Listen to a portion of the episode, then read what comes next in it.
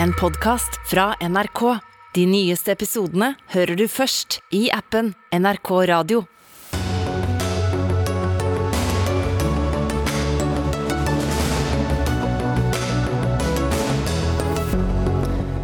Finlands statsminister filmet i farta på fest. I dag tok hun narkotest.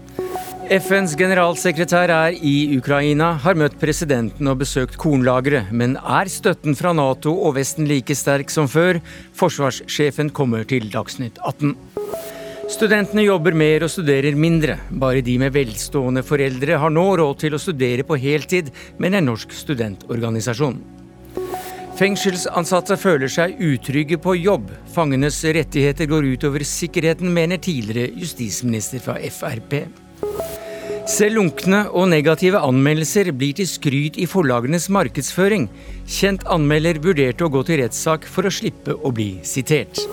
Og med dagens standardiserte supersikre lekeplasser lærer ikke barna å ta risiko, mener professor. Ja, Det er noen av sakene i Dagsnytt 18 denne fredagen, der vi også følger med på hva som skjer i Malmö, hvor flere skudd er løsnet på et kjøpesenter. Men vi begynner i eh, nabolandet Finland og landets unge kvinnelige statsminister, som mange har fått med seg, kastet seg i eh, dansen for noen dager siden. Og denne videoen som vi nå skal se, den eh, skal ifølge vitner til den finske nettavisen Seiska vise president Sanna Marin på en privat sammenkomst klokka 04 natten til 7. august.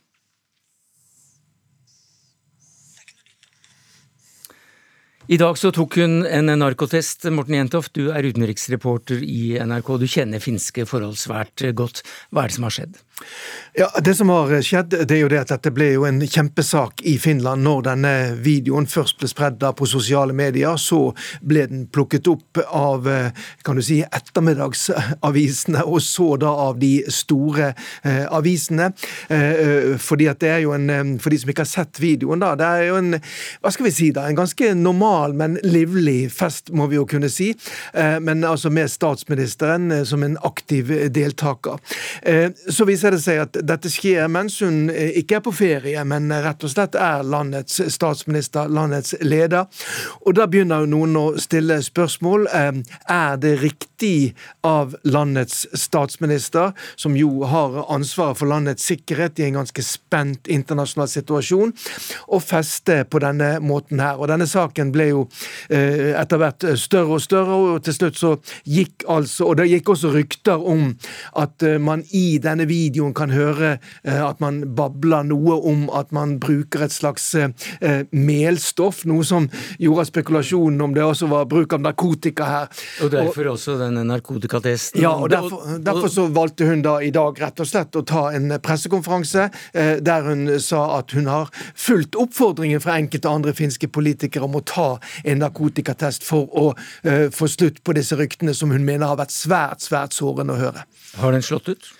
Eh, det vet vi jo ikke enda. Eh, hun sier at det kan ta en uke før hun får et endelig eh, svar på dette. Men Sanna Marin sa jo det at hun aldri har brukt narkotika, heller ikke i sin, sin ungdom. Og at hun opplever da denne, denne, ryktestormen som har vært der som svært, svært sårende. Hva slags sak er da dette blitt nå? Ja, Det, det er blitt en sak om, uh, hva, uh, om landets, uh, et lands leder, et nordisk lands leder, da, skal i, på sin privat eh, eh, på sin fritid, har retter til å feste, sånn som deg og meg, på vanlig måte. Det som bl.a. storavisen Helsingin Sanomat skriver i dag, og som man kan stille spørsmål ved, det er da om hun i den situasjonen, tilstand som hun var i, var i stand da på kort varsel til å ta avgjørelser, viktige avgjørelser. F.eks.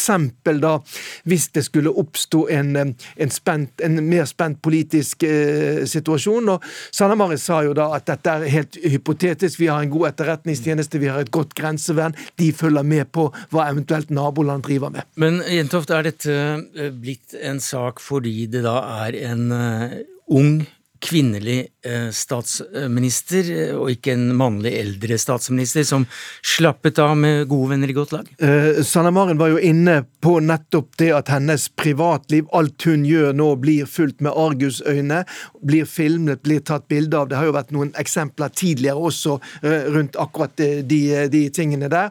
Eh, hun er klar over det at hun er utsatt, i en utsatt posisjon som en ung kvinnelig statsminister, men hun gikk ikke inn på om dette var noe som spesielt uh, rammet kvinner. Men det er jo naturlig å tenke seg at hun er kanskje mer utsatt enn en eldre mannlig kollega. Er hun bare med dette rokket som statsminister? Uh, ingenting tyder på det foreløpig. Uh, men som sagt, altså, det har vært stilt spørsmål ved hennes vurderingsevne når hun da er i en posisjon som landets leder. Takk skal du ha, Morten Jentoft, utenriksreporter her i NRK.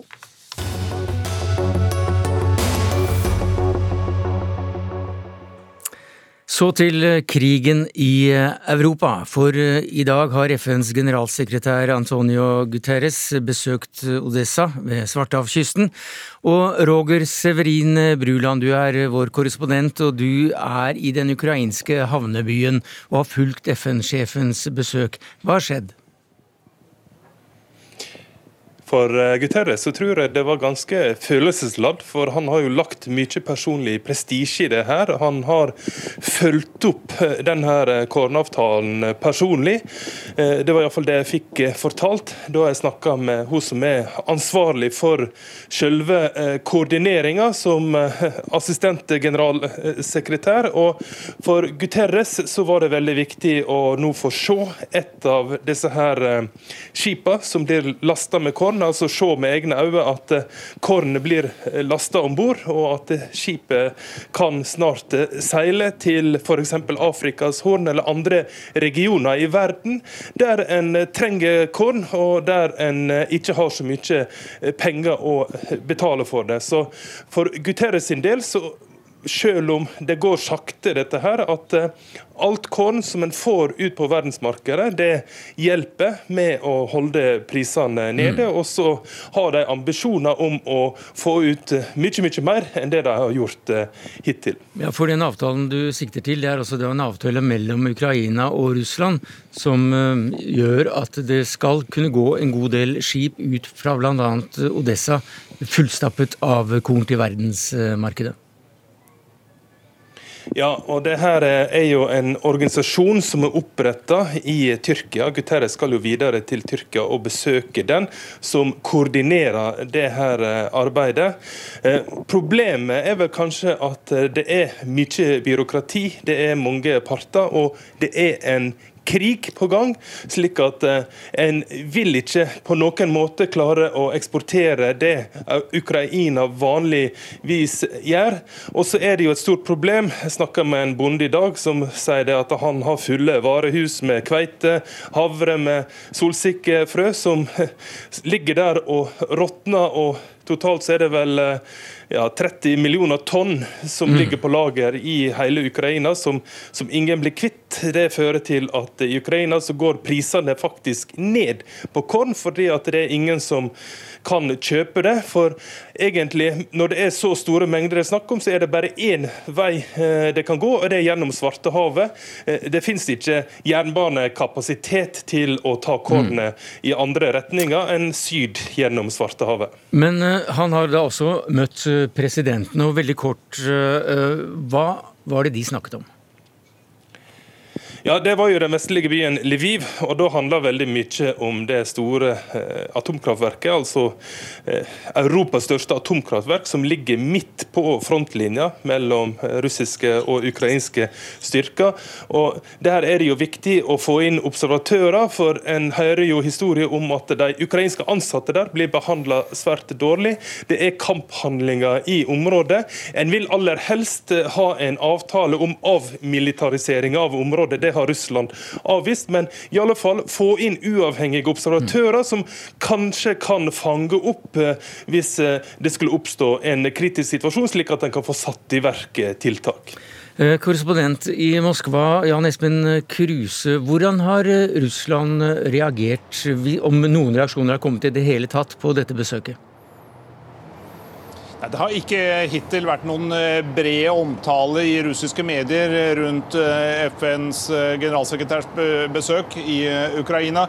Ingen offisielle kommentarer har kommet rundt det, men de statlige mediene de siterer Guterres på at hans uttalelse om at dette atomkraftverket bør bli en demilitarisert sone, det har russiske myndigheter allerede sagt nei til.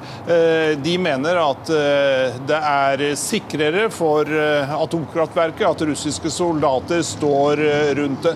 Men president Vladimir Putin han sier i ettermiddag at han er innstilt på å la internasjonale inspektører komme og besøke dette kraftverket. Så det ser altså ut til å være i hvert fall noe bevegelse i dette spørsmålet. Og så var det dette med disse kornlagerne og eksporten av korn. Kan det at Guterres nå er i Odessa og overvåker akkurat at utskipningen påvirka avtalen med Russland? Ja, det kan nok det, for eh, russiske medier de siterer igjen generalsekretæren eh, på uttalelser om at eh, korn må kunne eksporteres både fra Ukraina og fra Russland, og dessuten på at gjødsel fra Russland må få fri tilgang til verdensmarkedet. Det er avgjørende for neste års avlinger, sier FNs generalsekretær. Og Hittil har omtrent 25 skip gått ut fra ukrainske havner, ut i Svartehavet og videre ut i verden. Eh, og det virker som om eh, alle partene er i hvert fall innstilt på at dette tallet skal øke jevnt og trutt. Takk skal du ha i Moskva, Jan Espen Kruse, og til deg i Odessa, eh, Roger Severin Bruland. Eirik Kristoffersen, forsvarssjef, vi hører også da akkurat nå at Putin åpner opp for observatører. Hva er din umiddelbare kommentar til det? Umiddelbart så er det, det veldig bra, hvis eh, det faktisk lar seg gjennomføre. At de får lov til å komme dit og, og kontrollere det her atomkraftverket. Ja, har du tro på det? Det er vanskelig å vite hva man skal tro eh, når det gjelder president Putin. Altså, han sa lenge før 24.2 at det ikke var fare for en invasjon i Ukraina. Det var ikke på, på bordet, og så gjorde han det likevel. Så så nok en gang så må vi se hva han gjør, og ikke bare høre hva han sier. Mm.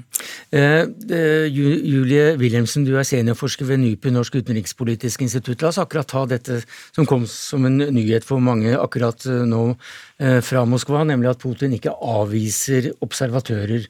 Eh, hva sier du til det?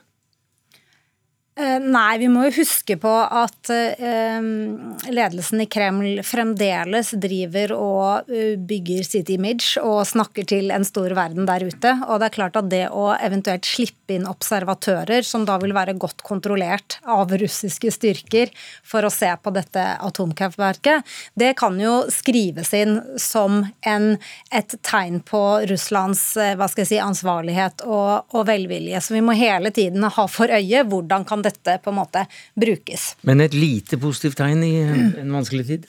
Ja, det eh, kan du si. For det, det, er jo det som er eh, det store skrekkscenarioet. Det er at, eh, at enda mer Si, at krig kan bli enda farligere, bl.a. rundt atomkraftverk eller andre typer eh, eskalering. Så det er klart alt, eh, alle slike nyheter, om det er at eh, ukrainsk korn kan transporteres ut, eller at det blir observasjon av et atomkraftverk, er, er positivt. Mm.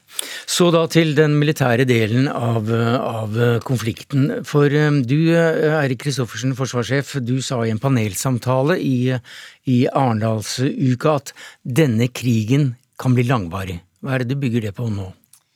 Jeg bygger det på at, eh, at vi ser at Russland eh, er villig til å kjøre på med enda mer materiell, enda mer artilleri, enda mer ammunisjon eh, for å holde krigen gående i øst. De har jo begrensa målene sine nå til å, til å gjelde Donbas-regionen og, og, beholde den landbrua som de har etablert mellom Donbas og Krimhalvøya, som vi kjenner godt igjen fra kartet. Eh, og Den eh, kommer de til å, til å holde. og de, eh, Det er ingenting som tyder på at Russland heller, heller, kommer til å gi seg før de har fått kontroll på Donbass.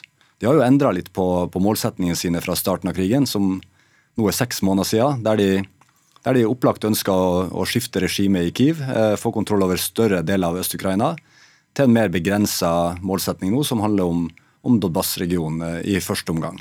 Ja, Du sammenligner denne krigen med første verdenskrig. Altså, I hvert fall så har det noen trekk eh, til felles. Hva er det?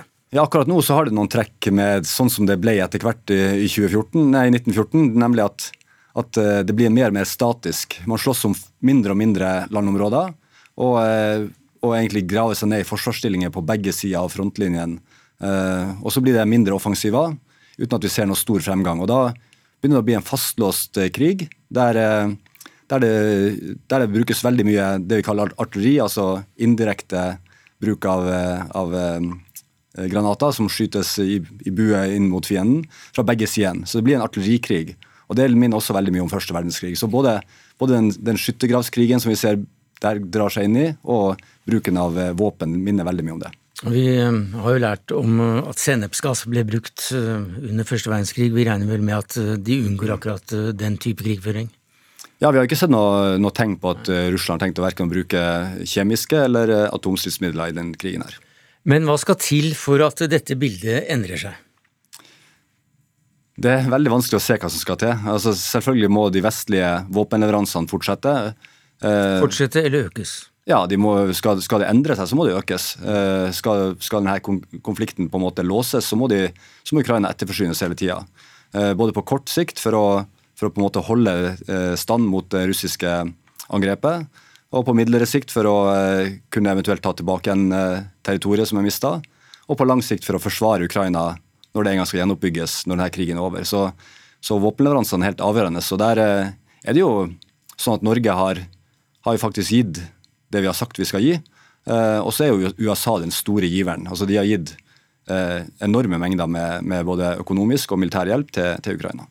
Uh, Julie Williamson, uh, vi hører fra uh, New York Times-miljøer at støtten i europeiske hovedsteder er i ferd med å kjølne. Er det et inntrykk som dere forskere sitter med? Eh, nei, jeg, altså Jeg tror nok at det går eh, diskusjoner. Fordi man nettopp ser at dette blir en langdrygg krig, og at det man på en måte nå har forpliktet seg til, er å eh, fortsette å følge det eh, målet som Zelinskyj og Kiev eh, setter opp for seg selv. Og det vi jo vet, er at de siste eh, ukene så har det jo blitt sagt i klartekst at vi ønsker å ta tilbake Krim. Og det er klart det er eh, noe Russland eh, ikke kommer til å, å gi seg på. og da ser man for seg at det er veldig mye man kommer til å måtte betale inn for å holde ja, for å støtte eh, Kiev nå fremover. Men er dette synet som Ukraina da har, om at de skal ha tilbake de landområdene som nå er okkupert, pluss Krim, er det, får det støtte i europeiske hovedsteder, f.eks. i Berlin? Altså, eh, eh, så vidt jeg kan eh, høre, så sier man at dette er et valg som vi ikke kan gjøre for eh, Zelinskyj. Det, det valget om hva de ønsker eh, i denne krigen, det er, eh, det er deres.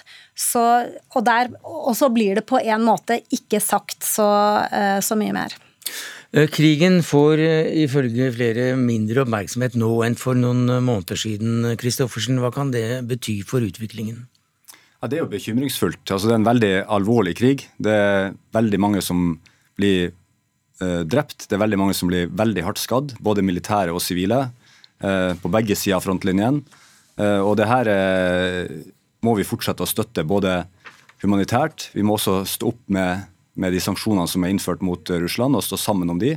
Og så må vi stå sammen om militær støtte for Ukraina. For, for jeg mener jo at den krigen Ukraina slåss, er jo ikke bare en krig for Ukraina. Det er en krig for, for den suvereniteten og den territorielle integriteten som, som vi har vært vant med å leve med at europeiske land kunne ha etter andre verdenskrig. Så, så det, det, er veldig bekymringsfullt hvis uh, krigen får mindre oppmerksomhet. fordi vi driver fortsatt å evakuere nå, og vi kommer til å gjøre det uken fremover også.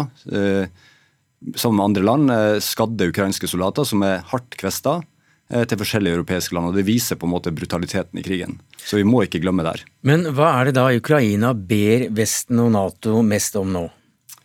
Ja, Det som er prekært akkurat nå, er jo, er jo nettopp ammunisjon. Og det er eh, kan du si, artillerisystemer, langtrekkende eh, våpen da, som vi har sett amerikanerne har levert, med litt våpen som skyter litt lenger, lenger enn normalt artilleri.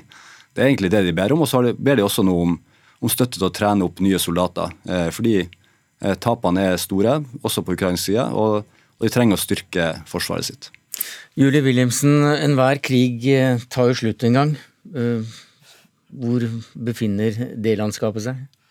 Nei, hvis spørsmålet dreier seg om hvorvidt det kan eh, bli en forhandlet uh, løsning her, så ser iallfall det uh, mye vanskeligere ut nå enn det gjorde i vår, faktisk. Hvis vi ser på russisk side, så er det riktig som forsvarssjefen sier, at det, det, ser ut som de har nedskalert eh, målet fra ikke å ta hele Ukraina til å, å nøye seg med på en måte Krim eh, og Donbas.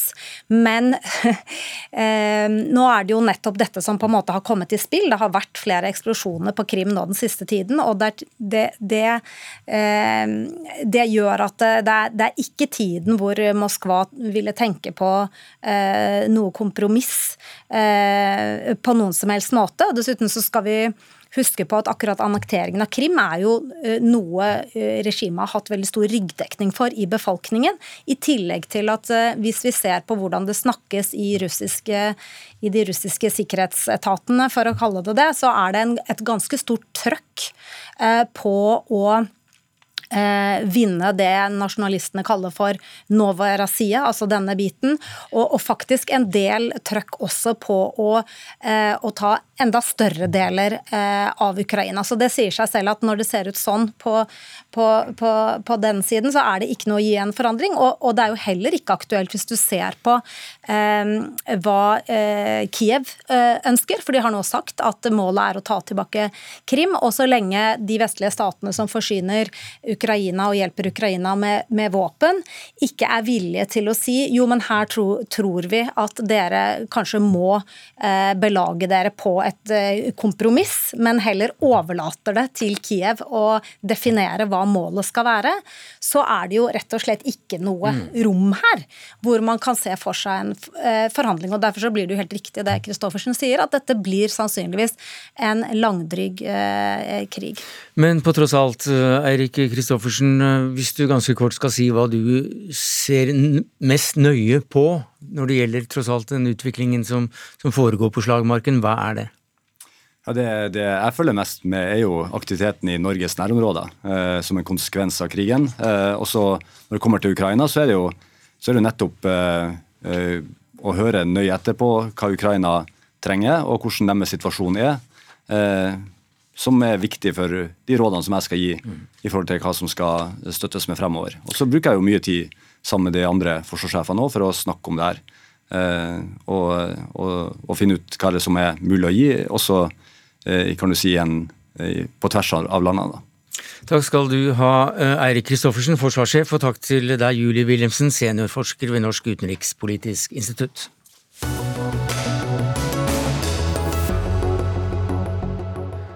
Ja, Store politistyrker har altså rykket ut til et eh, kjøpesenter i Malmö etter meldinger om flere skudd. Det melder svenske medier.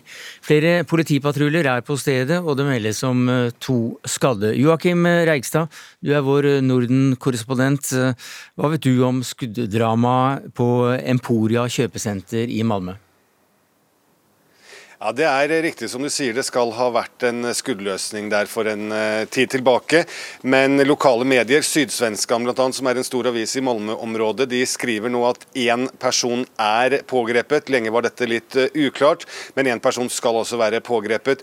To personer meldes skadde, men status på disse to er ukjent, om dette er snakk om alvorlige skader eller ikke. Uh, og Når det gjelder foranledningen, hva som har skjedd i forbindelse med denne skytingen, så er politiet akkurat nå veldig tilbakeholdne med informasjon.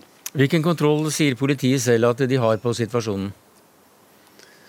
Politiet melder veldig lite om dette, her, men de sier at de er til stede med stort mannskap. De har også fått, eh, fått, bistand fra politi i Helsingborg, en by som ligger litt nord for Malmö. slik at de er nok tungt til stede. Vi ser også på bilder at det er veldig mange ambulanser til stede. Det ser jo nå ut som om situasjonen kan være noe mer under kontroll, men, eh, men det føyer seg selvfølgelig også inn i rekken. Vi har friskt i minne i begynnelsen av juli, da det var skyting på Fields kjøpesenter i København. Det er en halvtimes kjøretur unna her. slik at dette skaper selvfølgelig veldig mye frykt i befolkningen. og Vitnebeskrivelser er, er jo også at eh, folk har løpt i panikk ut av butikkene da man hørte at det ble løsnet skudd. Dette er noe som gir en, eh, en tilbake, altså man ser tilbake på også det som skjedde i København, at dette her igjen rammer Norden nå.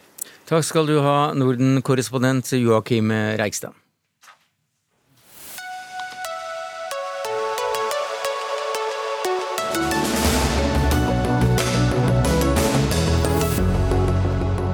Ja, prisene øker på mat, bolig og strøm, for eksempel. Eh, også da for studentene. Over halvparten av dem sier nå at de må jobbe for å dekke økte utgifter, det viser en ny undersøkelse. Og Maika Godal Dam, eh, du er leder for Norsk studentorganisasjon NSO, og du er med oss fra Bamble i Telemark. Hvordan vil du beskrive studentenes situasjon rent økonomisk? Det vi ser er at Studentene nå står i en utrolig sårbar økonomisk situasjon. Mange melder om at de sliter med å betale for helt fundamentale utgifter, som det å bo og det å spise.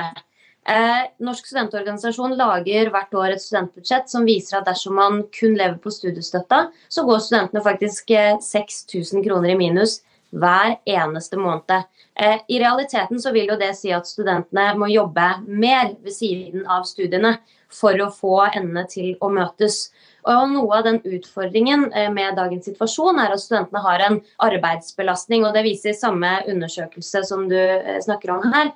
Studentene jobber og studerer til sammen mellom 46 og 50 timer hver eneste uke. Av de studentene som jobber, så jobber de i gjennomsnitt 15 timer hver eneste uke. Da er det mindre tid igjen til å faktisk studere, som er det vi mener at studentene bør bruke tida si på. Eh, Marit eh, Knutsdatter Strand, du er nestleder i Stortingets utdannings- og forskningskomité, og da for regjeringspartiet Senterpartiet. Du stepper inn da for forsknings- og høyere utdanningsminister Ola Borten Moe. Er dette en villet politikk, at studentene må jobbe mer og studere mindre?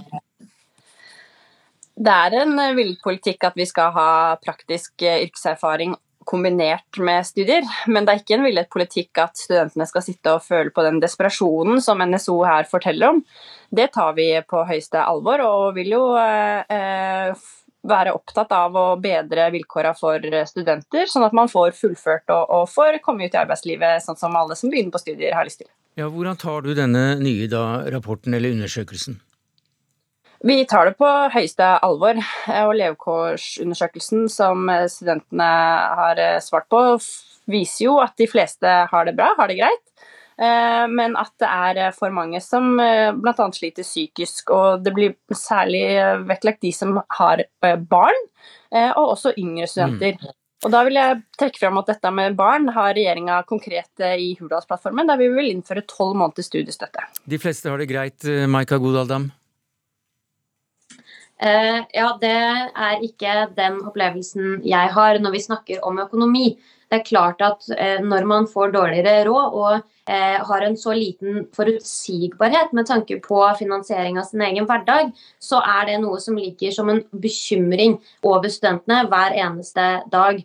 Men så har jeg litt lyst til å si at det handler jo om de lange linjene også. Vi ønsker at høyere utdanning skal være tilgjengelig for alle. Vi, har, eh, vi, skal ha like muligheter til høyere utdanning. Og når økonomien for noen blir avgjørende for hvorvidt man velger å studere eller ikke, så har vi et grunnleggende problem. Det skal ikke spille noen rolle om man er vokst opp på Sogndal, Steinkjer eller på Sagene, om foreldrene dine har mye eller lite å rutte med. Eh, vi skal ha et utdanningssystem som er tilgjengelig for alle. Og vi ser nå at økonomi spiller en stadig større og større rolle i den utviklinga. Ja, Strand. Ja, Sogndal, Steinkjer og Sagene håper jeg virkelig har like eh, forutsetninger for høyere utdanning. og Det er jo et kjempeviktig mål og prosjekt for regjeringa i seg sjøl, med, med, større tilgjengelighet for høyere utdanning. Jo da, jo, jo, Men altså premissene her er jo da at økonomi teller mer og mer etter hvert som eh, ting blir dyrere, og da å ha en mor eller far eller begge som da har forholdsvis god råd og kan sponse barna, gjør at disse barna kan studere på heltid, mens andre må studere på deltid. Ja, og sånn skal det ikke være. Man skal ha like muligheter. Og hva gjør, det, hva gjør da regjeringen? Vi skal bedre kjøpekraften til studentene. Det er regjeringa opptatt av, og det har vi i Stortinget pressa på for i lang, lang tid. Eh, så et av prosjekta prosjektene som er viktigst for å bedre kjøpekraften, er jo også nettopp bolig. Eh, studentene bruker veldig mye penger på bolig. I tillegg så er strøm en stor bekymring for studenter nå, og det forstår jeg kjempegodt. Og der har jo regjeringa en generell ordning som favner alle, hvor det nå blir 90% dekning over 70 øre. Og det er jo en viktig ordning for å kunne nettopp lette på byrden med økte strømutgifter. Himanshu Gulati, du er utdanningspolitisk talsperson for Fremskrittspartiet på Stortinget. Og du sa uh, i Nyhetsmorgen i morges at støtten til studentene må økes. Men nå hører du at uh, strømprisen skal uh, gjøres noe med for studenter, og, og, da også at det skal bygges flere boliger. Er ikke det bra, da? Nei, vi mener jo at det bør være mulig å være heltidsstudent i Norge. Derfor var vi jo med i regjering i forrige periode og økte studiestøtten, slik at vi fikk 11 måneders studiestøtte. Og Vi foreslo også for inneværende år, før strømprisene økte, før matvareprisene begynte å øke så mye, at eh, studentstøtten skulle øke. Eh, med nesten 25 000-30 000 kroner, eh, og knyttes til G, slik at den ble automatisk justert hvert år. Fordi vi, vi vil det skal være mulig å være heltidsstudent. Og så har vi på toppen av en tøff studentøkonomi kommet i en situasjon med tidenes eh, største prisøkning i moderne tid. På strøm, på matvarer, på, på, mye annet, som nå gjør at vi får mange studenter som virkelig får endene til å sløytes. Dette er ikke en teoretisk diskusjon eller, eller, noe som kan ramme folk. Dette er realiteten for studenter over hele landet i disse dager når, når når studien eh, starter. Og Da må vi trå til. Det er viktigere å øke studiestøtten nå enn noen gang. Det var viktig før disse prisøkningene, men nå er det enda viktigere. Og så håper jeg også at regjeringen, eh, som, tross alt kom med en strømstøtte i januar, også forlenger den for studenter. Fordi eh, den problemstillingen har økt for alle og fortsatt for alle, både studenter og andre. Men la oss ta dette akkurat med kroner og øre. Marit Knutsdatter Strand, hva sier du om dette forslaget? At eh, Frp ønsker å øke studiestøtten, eh, er jo eh, får stå for Frp sin regning med inndekning og det hele. Vi har nå sagt at studentboliger er kanskje viktigste sak å prioritere i denne omgang, fordi det også bidrar til å lette presset på markedet, som er altfor stort og gir altfor store utgifter til bo. Mm. Eh, og vi er opptatt av at studentene skal få økt kjøpekraft, så det skal vi følge opp, mm. sånn at det blir faktisk eh, bedre muligheter for studentene å fullføre studiene på normert tid og være heltidsstudent. Ja, Frp vil øke studiestøtten, det gjorde vi i regjering, og det vil vi fortsette med nå. Problemet med det Senterpartiet her sier, er at da de hadde muligheten i fjor, så ga de jo ikke penger til flere studentboliger. Antall studentboliger som bygges, ble kraftig økt under forrige regjering, men i det første rød-grønne budsjettet har man ikke lagt inn noe mer utover forrige regjeringsambisjon, og det syns jeg er for dårlig. Strand? Ja, Det Frp prater om her er jo ikke helt presist, eller ikke helt riktig. fordi Stortinget har vedtatt store summer til studentboliger hvert eh, år i lang tid, uten at det nødvendigvis har blitt bygget.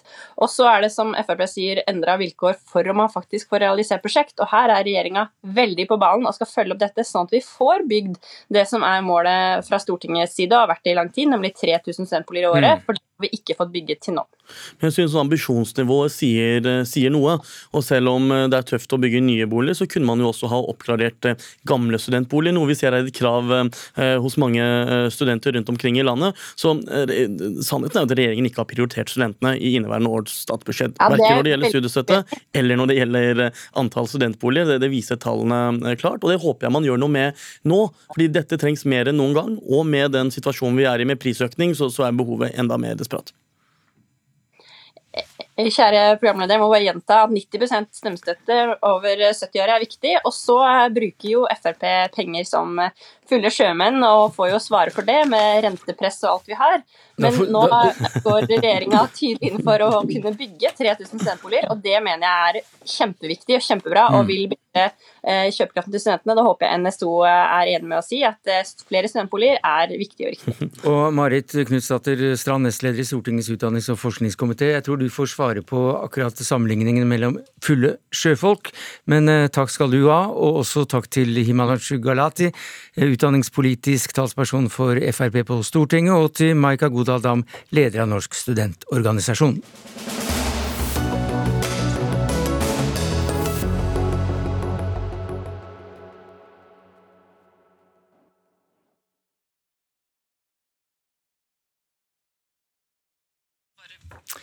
Der er vi på igjen, og da er spørsmålet om eh, bokanmeldelser og bruken av det når det gjelder å markedsføre eh, bøker for, eh, for forlagene. Eh, og um, Knut Gørvel, du er salg- og markedsdirektør i eh, Cappelen Dam.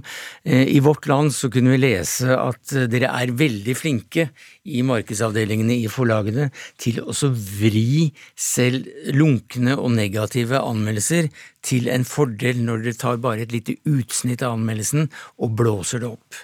Hva sier du til den kritikken? Ja, jeg vil si at det var egentlig ikke det helt som sto i Vårt Land. De hadde funnet noen få eksempler på det. Og det syns jeg var mer litt sånn cowboy, eh, nystartede forlag. Ikke vi store seriøse. sånn at det, blir spennende å høre. fordi jeg tror mange anmeldere nettopp ser at vi jobber selvsagt seriøst med å prøve å plukke ut det aller beste, men vi prøver også å være objektive. Fordi vi blir fort gjennomskuet hvis vi gjør den type juks, da. Ja, Nå skulle jo da uh, Katrine Krøger, bokanmelder for Dagbladet, vært med oss her, men vi har ikke kontakt med henne fremdeles. Uh, da kan jeg fortelle en liten historie om Katrine ja, Krøger, kanskje? Fordi, kan, kan, du gjøre det, siden hun, ikke hun er her? ja, fordi uh, vi har jo masse å takke henne for i år. Fordi hun skrev jo at hun kunne ha gitt terningkast sju til Valeri Perez og Vanne blomster om kvelden, og så siterte vi selvsagt det. og det at hun skrev 'Tårene strømmer under lesningen av verdens vakreste bok'. Bare den anmeldelsen tror jeg har ført til i hvert fall 20 000 av de 60 000 vi har solgt. Så til selve problemet. Det er selvsagt sånn at noen ganger kan det virke som noen plukker ut noe, og det hadde Vårt Land noe eksempler på. Men heldigvis fra de store, seriøse forlagene så tror jeg verken Krøger eller de andre har de store opplevelsene at vi prøver å lure forbrukerne. Men det hender at dere plasserer negativ omtale i, uh, på bokomslagene. Hva kommer det av? Nei, det, det, vi gjorde var med Gert Nygaardshaus uh, roman 'So Europa', så var det sånn at han fikk masse Han fikk fire uh, terningkast fem i Dagbladet, VG osv., og, så og alle hyllet den. Og så var det Bjørn Gabrielsen i Dagens Næringsliv som sa alt er galt med Gert Nygaardshaus So Europa. Og Det syns han var så provoserende, og det syns vi òg. Så derfor så tok vi hyllestsitater og dette store, ferdige sitatet fra Gabrielsen og lagde en stor annonse på det, for å vise at kritikere også er mennesker, og de tar nok mm. feil innimellom også. Men uh, hvor viktig er disse anmeldelsene? Altså, hvis Marta Norheim går ut i, uh, i, bokprogrammene på P2 og virkelig slår til med en kjempeanmeldelse av en av bøkene dine, uh, hvor viktig er det for din markedsføring og, og dermed litt salg av, av, denne boka? Altså, Vi tror det fortsatt har veldig stor betydning, og ikke minst fordi vi kan bruke det nå i alle mulige kanaler. Selvsagt i gammeldags annonsering, men også sosiale medier. og den fremste grunnen eh, for de fleste lesere til å kjøpe noe, er en anbefaling, ofte av en venninne. Men eh, Marta Norheim eller Katrine Krøger kan jo være, virke som en skolert venninne, og derfor så har det mye å si. Og så lager vi da mye spisset av det aller beste da hun eller Krøger har sagt. Eh, har vi kontakt med Katrine Krøger? Det får jeg ikke noe beskjed om, så vi går videre, vi, Gørvel. Altså, du nevnte sosiale medier som bloggere og tiktokere. Eh, hvor viktig er de eh, for forlagene framover nå? Altså Det som er det fine, er at uh, vi har jo opplevd at flere av de tradisjonelle mediene anmelder mindre. Det er vi veldig lei oss for, men da er det jo veldig flott at det kommer nye kanaler som fører til leseinteresse. Og f.eks. TikTok er jo med å påvirke mange av de unge leserne til å lese, og det trenger vi selvsagt. Men du har jo da lest eh, Vårt Land og sett frustrasjonen blant eh, anmeldere, og, Krøger er ikke da alene. Jeg nevnte Marta Norheim som vel også uttalte seg her, og som om ikke hun følte seg misbrukt, så i hvert fall at det er en, med en rar smak i munnen når et sitat trekkes ut fra en helhet. Også de store forlagene har vel bedrevet den slags innimellom? Det kan vel hende at vi kan være fristet til å vri litt på det, men det er f.eks. hvis det er en av de kjente eller Marta Norheim, så kan man jo gå inn og sjekke selv anmeldelsen da, på nrk.no. og Derfor så tror jeg alle seriøse forlag prøver å unngå det, men det er klart, vi trekker jo fram det aller beste. Så når eh, Katrine Krøger skrev 'Verdens beste bok', så bruker vi jo det for hva det er verdt. Hva har eh, terningkast å si, og hva har det gjort med bruken av sitater? Og det eh, Krøger skrev jo, eller sa jo i Vårt Land nettopp at det var en fordel at det var blitt eh, terninger. Og vi som jobber med å selge bøker, vi elsker jo terninger. Især hvis de er sånn som vi ønsker, da. Seksere eller femmere.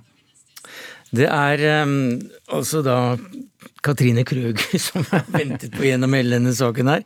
Og hun eh, har vi ikke fått kontakt med. Vi har fått litt kontakt på lyd, og så forsvant den lyden igjen for å informere lyttere og seere om hva som har skjedd, og hvorfor da uh, Knut Gørvel som salgs- og markedsdirektør i uh, Cappelen Dam har fått sittet her og, og reklamert en smule på, på, vegne av i hvert fall sine bøker i år, og det var jo hyggelig. Takk for selskapet. Ja, tusen takk for meg.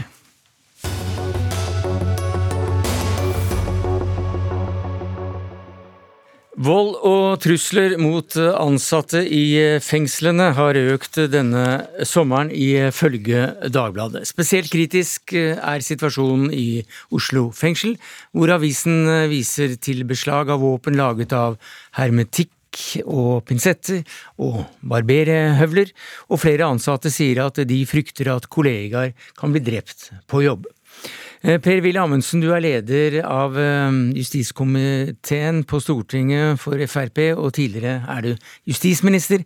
Og du skriver i Fri fagbevegelse at vi har gitt de ansatte for mange rettigheter. Hvorfor er det viktig å si i sakens anledning?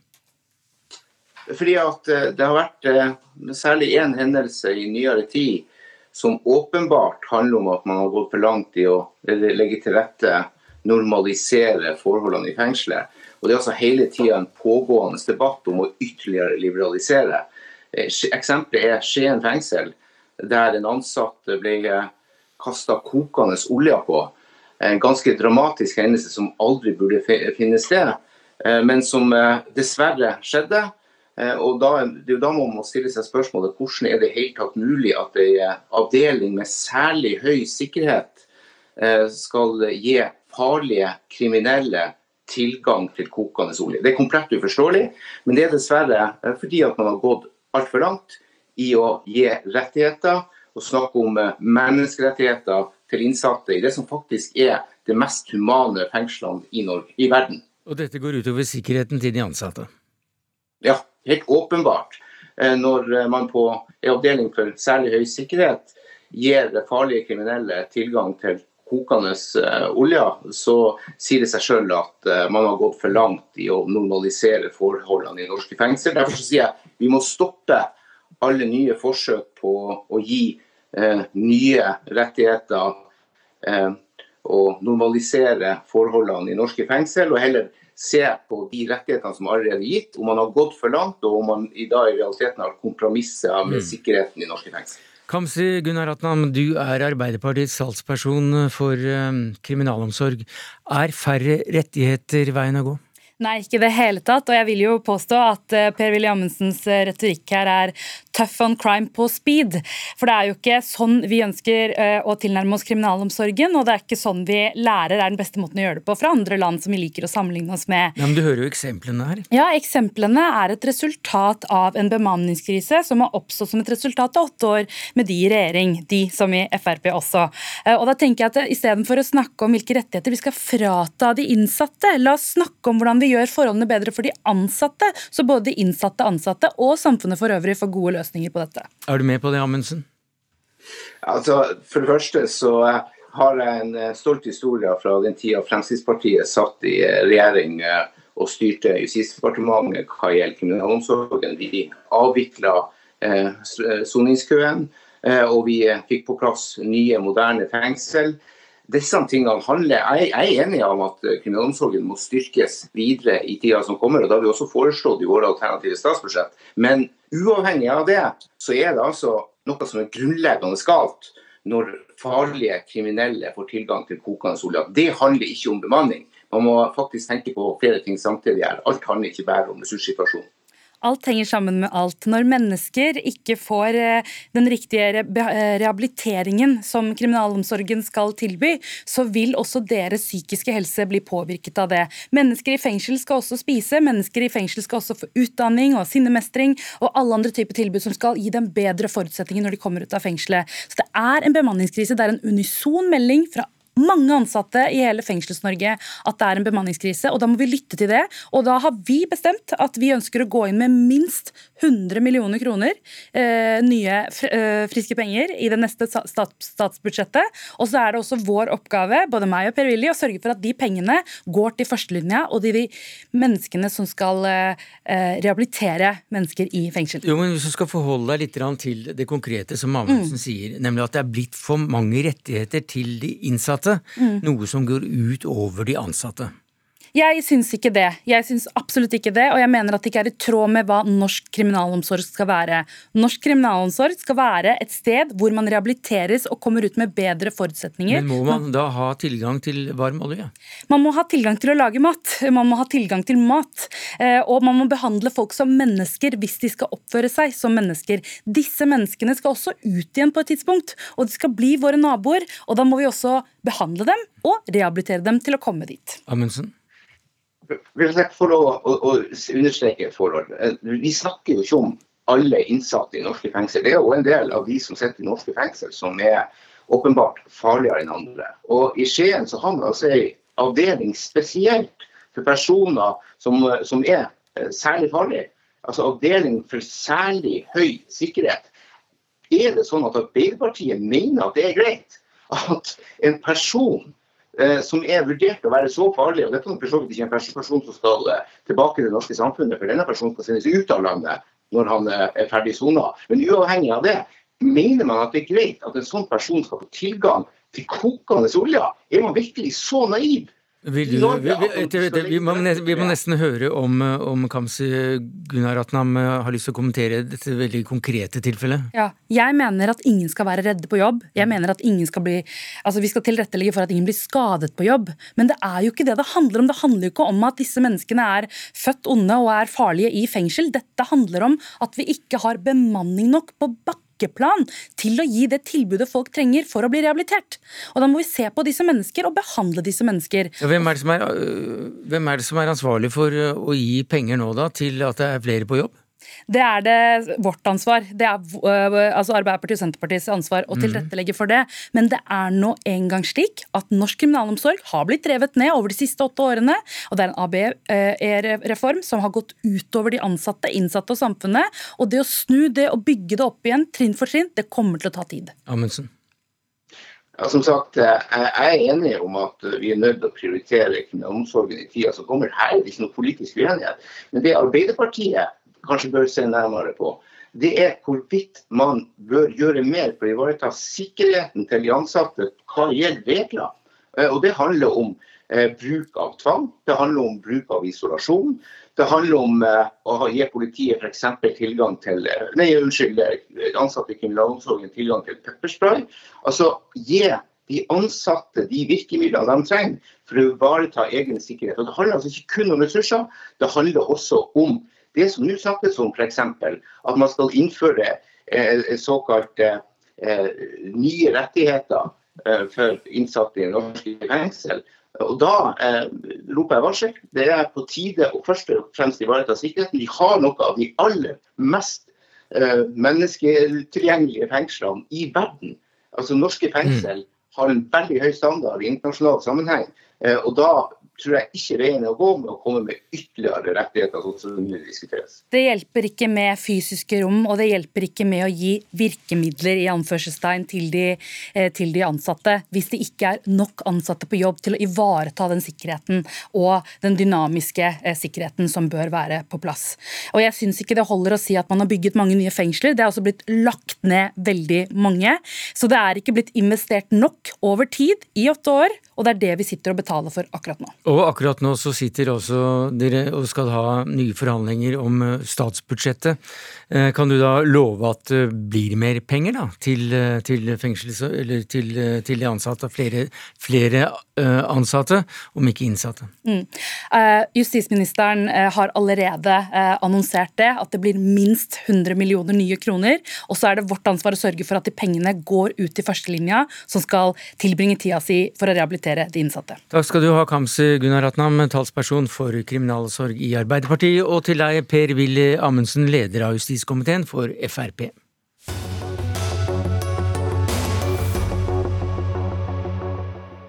Ja, På dagens uh, supersikre lekeplasser så lærer ikke barn å ta risiko. Dette skriver eh, du om i en eh, kronikk i Stavanger Aftenblad, Harald Røstvik. Du er professor ved Institutt for sikkerhet, økonomi og planlegging ved Universitetet i Stavanger. Hva er det du ikke liker ved disse standardiserte og sikre lekeplassene? Eh, det jeg har påpekt, er at det er gjort en stor britisk undersøkelse av barnepsykologprofessor Helen Dodds ved Extra University Studien heter The British Children's Play Survey fra 2020, før pandemien. Og Der fant de at eh, for en generasjon siden så skjedde frislippet av barn. Eh, altså at de får komme seg ut alene, gå, sykle, stikke fra foreldrene ved eh, niårsalderen. En generasjon senere nå så skjer dette ved elleveårsalderen. altså Foreldrene er blitt reddere og reddere for sine barn.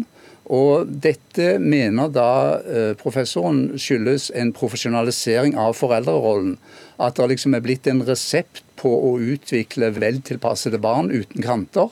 Uh, og Dette ser vi òg i vårt samfunn i Norge. Ja, hvordan, hva, hva, slags eksempler er det du har på det? Ja, Vi ser f.eks. at uh, undersøkelser viser at 25% av alle barn mellom 10 og 13 år tar smertestillende tabletter en gang i uken minst.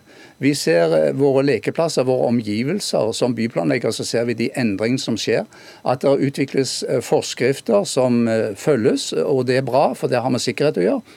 Men det er gått litt for langt, sånn at våre omgivelser og våre lekeplasser blir så supertrygge at de ender opp som den samme modellen uten fantasi uansett hvor man befinner seg i dette landet. Og ja, Det blir en slags katalog. Unnskyld at jeg avbryter deg, men hvordan begrunner du det at, uh, at uh, dette medfører at folk ikke utvikler fantasien? altså det å, det å leke og, og leke i naturlige omgivelser, det betyr å ta risiko og lære seg å håndtere risiko. Livet er fullt av risiko, det ender jo faktisk med døden for absolutt alle. Eh, hvis barn skal utvikle seg og bli gode, eh, trygge mennesker, så trenger de utfordringer. Og de trenger da ikke bare striglete lekeplasser som er lagd etter en standardmal, tatt ut av en katalog med gummimatter. Barn kan like gjerne leke i en skog og i trær, og alle faller jo selvfølgelig ned før eller siden. Men vi kan ikke bare utvikle samfunnet basert på hvor mange brukne fingre eller forstuede tær der er. Eh, og Det er denne risikoforståelsen og redselen for risiko jeg påpeker. Vi ser det òg i havene, i villahavene.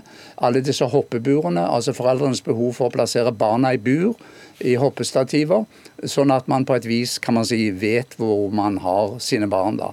Eh, og dette, dette er noe nytt, og det betyr igjen en plastifisering av, av hele samfunnet. Hvis du tenker på trampoliner, så er det nok en del skader der. Men eh, daglig leder og inspektør i lekeplasskontrollen, Jan Heyerdahl. Du uh, reiser rundt og fører tilsyn med lekeplasser uh, for å overholde dette regelverket som professoren har snakket om. Uh, er det så farlig om barna skader seg litt underveis, da? Nei, Det er vel sannhet med modifikasjoner, dette der, det her overdrivelse. Dårlig, det, litt dårlig kjennskap til regelverket egentlig i mange sammenhenger. Dette regelverket handler jo ikke om skrubbsår og, og, litt sånn småskader. Det handler jo om å forebygge, i hvert fall intensjonen med det, eh, å forebygge at barn skader seg for livet, altså blir eh, invalide e, eller dør, som vi sier. Altså, pedagogene sier ofte at 'learning by doing'. og Når vi holder kurs, så har vi lagt på en setning og vi sier 'not dying while trying'. Og Det er eh, litt det vi har fokus på. Not dying eh, by trying, Røstvik? Ja, altså jeg har respekt for at uh, regelverket skal overholdes. Det som er utfordringen, og som jeg har fått en masse reaksjoner på, veldig overraskende, fra veldig mange hold på denne artikkelen jeg skrev, Eh, og De reaksjonene kommer fra både arkitekter og planleggere, men òg folk som jobber i kommunene. Det er at eh, dette regelverket, denne forskrift for sikkerhet ved lekeplassutstyr eh, fra 1996, den er blitt så stringent at det er nesten klin umulig å lage lekeplasser som går utenfor denne malen. Uh, og Det er det man kritiserer uh, i, i mm. kommuner og andre steder. Hvis man prøver å gjøre noe annerledes, f.eks. plante bare en skog og la barn uh, klatre i trærne mm. i stedet, så er det faktisk teknisk umulig.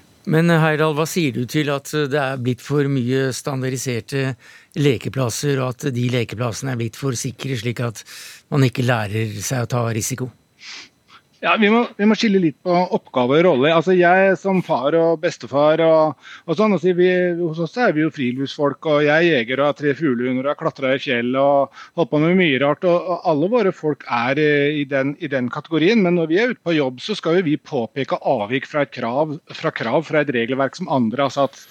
Eh, vi kan, vi, vi kan, jo ikke synes om det. Det blir som når politimannen tar deg i fartskontroll. Det er ikke opp til han å si hvor mange kilometer i timen du kjørte for fort hva, foten, eh, og boten. Det er bestemt på forhånd. Når det gjelder denne forskriften, så kom den riktignok som sier i, i 96, og så fikk vi jo da et standardiseringsarbeid i Europa fra og Første standarden kom i 98. Dette er produktstandarder på mange hundre sider og, og er, er ikke enkelt for folk å sette seg inn i. Denne forskriften har jo ikke endret seg vesentlig. nei, nei, men, er... Unnskyld at jeg avbryter deg, her, ja, men, men, men, men, ja. i, men i bånn her så ligger det altså et et eh, argument om at vi, vi lager for, for, standardiserte, sikre lekeplasser for barn, istedenfor at de kan klatre opp i trær, falle ned ja, og, skjønne, skjønne, skjønne at det er farlig. Det er jo ikke riktig. Altså, natur er ikke lekeplass. Lekeplassregelverket eller regelverket for parkour, skate, hva som helst som vi kontrollerer, det er definert i standarder, og det er produkter og det er hjemlet i produktkontrolloven. Altså, Samfunnet vil ha kontroll på at produkter er trygge og sikre, og derfor lagde man en lov om det på 70-tallet. Uh, men den sier ikke at natur ikke kan brukes. og det er også sånn at Har du kunnskap om et regelverk, så kan du per definisjon bygge en bil eller bygge en leke, uh, altså lekeplassutstyr osv. Utfordringen er at regler. Og det har, har, eh, Harald veldig rett i. Og jeg er veldig enig i den ytringen. Og det er jo ikke noe veldig nytt som fremmes heller. Og det er en ganske gjennomsnittlig vanlig reaksjon. Jeg syns det er kjempebra at han holder poteten varm, for å si det sånn. Det er jo mitt personlige engasjement. Jeg syns det er viktig. Men vi må jo vi må kunne reglene og endre dem, men vi kan gjøre veldig mye innafor eh, mm. reglene. ikke sant? Og det er, vi, Hvis vi lærer dem, men det er jo det som er problemet, å virkelig kunne reglene. Mm. Røstvik, eh, kan ikke barn så, bli like kreative og eventyrlystne med, med hjelm og på mykt underlag? Jo, sikkert mange barn, men som uh, min motdebattant sier, altså han er jo enig med meg. Uh, altså, Poenget er jo at når man skal gjøre dette i praksis, så har man hundrevis av sider å forholde seg til av et regelverk som gjør at man kommer ikke utenom at man ender på den nesten samme malen. Altså Prøv i et boligbyggelag og, og, og, i forhold til lekeplassnormaler og, og, plante en skog og busker og trær. Du får, du får, ikke lov. Ute i naturen, ja, folk kan leke der, men, men der, er, der er strenge regler. Og Det vi er bekymret for som akademikere, det er jo det mye større bildet. Det er jo ikke, det er jo ikke bare dette. La oss løfte blikket litt. Det er jo det at uh, vi, vi, ser at uh, hvis barn utvikles til å bli redde, altså mer engstelige hvis, Jeg sier hvis, for det, det er en trend vi tror vi ser. Uh, hvis dette er riktig, så betyr det òg at de, de, blir redde for andre ting i samfunnet. Altså, De kan bli redde for å ytre seg. Altså, Ytringsfrihetskommisjonen ble lagt fram i begynnelsen av denne uken. Eh, det, det viser seg Innspillene der kommer primært fra organisasjoner og politikere. Hvor er enkeltindividet? Hvor er stemmene? I energidebatten det er akkurat det samme. Altså, Hvem er det som stikker seg ut og sier sin hjertens mening? Hvem tør? Og Mm. det, det er jo noe med det at vi, vi må jo utvikle barn og, og, og, og borgerne til å bli del av samfunnsdebatten og, og, og, og ta del i demokratiet og si sin mening. Men, men så så, så, så, så du, du trekker hele denne linja fra mykt underlag på, på lekeplasser og til eh, vår utvikling av, av vårt demokrati. Det syns jeg var en veldig fin avslutning på en, eh, på en fredagsseanse i Dagsnytt 18. Takket eh, være ansvarlig for det hele Line Forsmo. Det tekniske ansvaret hadde Hellige Svensson. Jeg heter Sverre Tom Radøy.